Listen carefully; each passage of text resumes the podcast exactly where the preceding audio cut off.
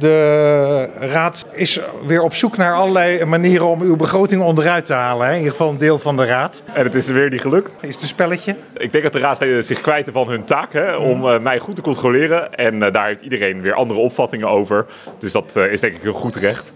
maar volgens mij hebben wij een mooie begroting die meerjarig sluitend is. Maar dat kunnen echt lang niet alle gemeenten zeggen. Dus daar ben ik heel trots op. Want dat betekent dat alles wat wij ons voornemen, mm. dat we dat ook waar kunnen maken. Dat is denk ik heel erg belangrijk. Nou, zou dat bijvoorbeeld een partij als de VVD nogal aandrong op het verlagen van de schuldpositie van de gemeente. Nou, dat is een discussie die speelt eigenlijk al jaren. Die komt iedere keer terug. En dan zeggen wij, ja, we investeren juist in dat wat belangrijk is in deze stad. We investeren in een sociale stad met goede sportvoorzieningen en goede schoolgebouwen. We investeren in een duurzame stad uh, waar je wijk hebt met veel groen, waar je verkoeling kan zoeken als het warm is, waar de wateropvang goed is geregeld. Uh, we investeren in uh, onze culturele sector. Nou, noem maar op. Hè. Dus dat zetten wij daar tegenover. Wat we tegelijkertijd doen, is wel heel kritisch kijken naar die uitgaven. We zeggen ook, we kunnen niet alles tegelijkertijd doen. En dat hebben we ook in deze begroting benoemd.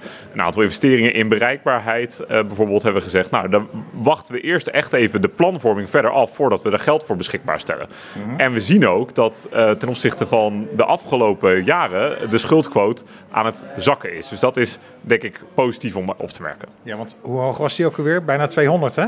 Hij was 200. Uh, hij was begin dit jaar al gezakt naar 185 en inmiddels naar 180. Dat is een hoge schuldquote, dat hoor je me er meteen bij zeggen. Uh, maar wij kijken... 130 wordt geloof ik als normaal gezien of maximaal normaal. Uh, ja, dat is wat de VNG als, als norm stelt. Daar kan je gewoon van afwijken. En dat doen wij omdat wij investeren in een stad die ook duurzaam en leefbaar uh, blijft. En daarmee besparen we voor de toekomst heel veel uitgaven. Er zijn een aantal projecten inderdaad nou, niet gesneuveld, maar wel op de lange baan geschoven. Hè? De, de BIEB bijvoorbeeld. Nou, we hebben natuurlijk belangrijke plannen voor de BIEB om daarin te investeren. Maar we hebben ook gezegd, die plannen moeten wel eerst wat concreter worden voordat we er een uh, budget aan koppelen. Want anders wordt het geld leidend. En dan heb je dat geld alvast binnen en dan kan het vanaf daar eigenlijk alleen nog maar duurder worden. Dat wil ik niet. Ik wil dat we eerst heel kritisch kijken, wat zijn de plannen waarvan we zeggen, dit is een goede toekomst voor bijvoorbeeld de bibliotheek.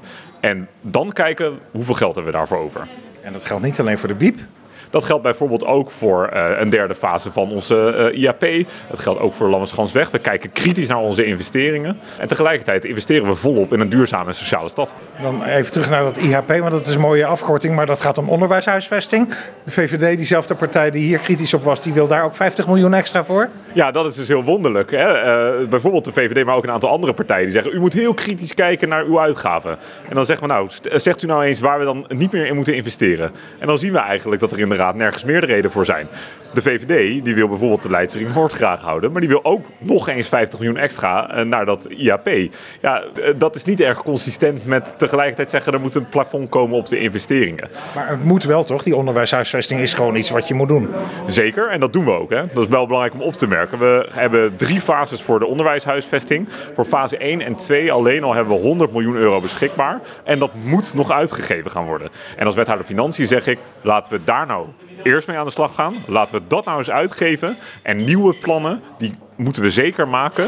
Maar wel op het moment dat we onze eerdere voornemens hebben ingevuld. Want die liggen nog ver in de toekomst. Die liggen inderdaad na 2030, ja.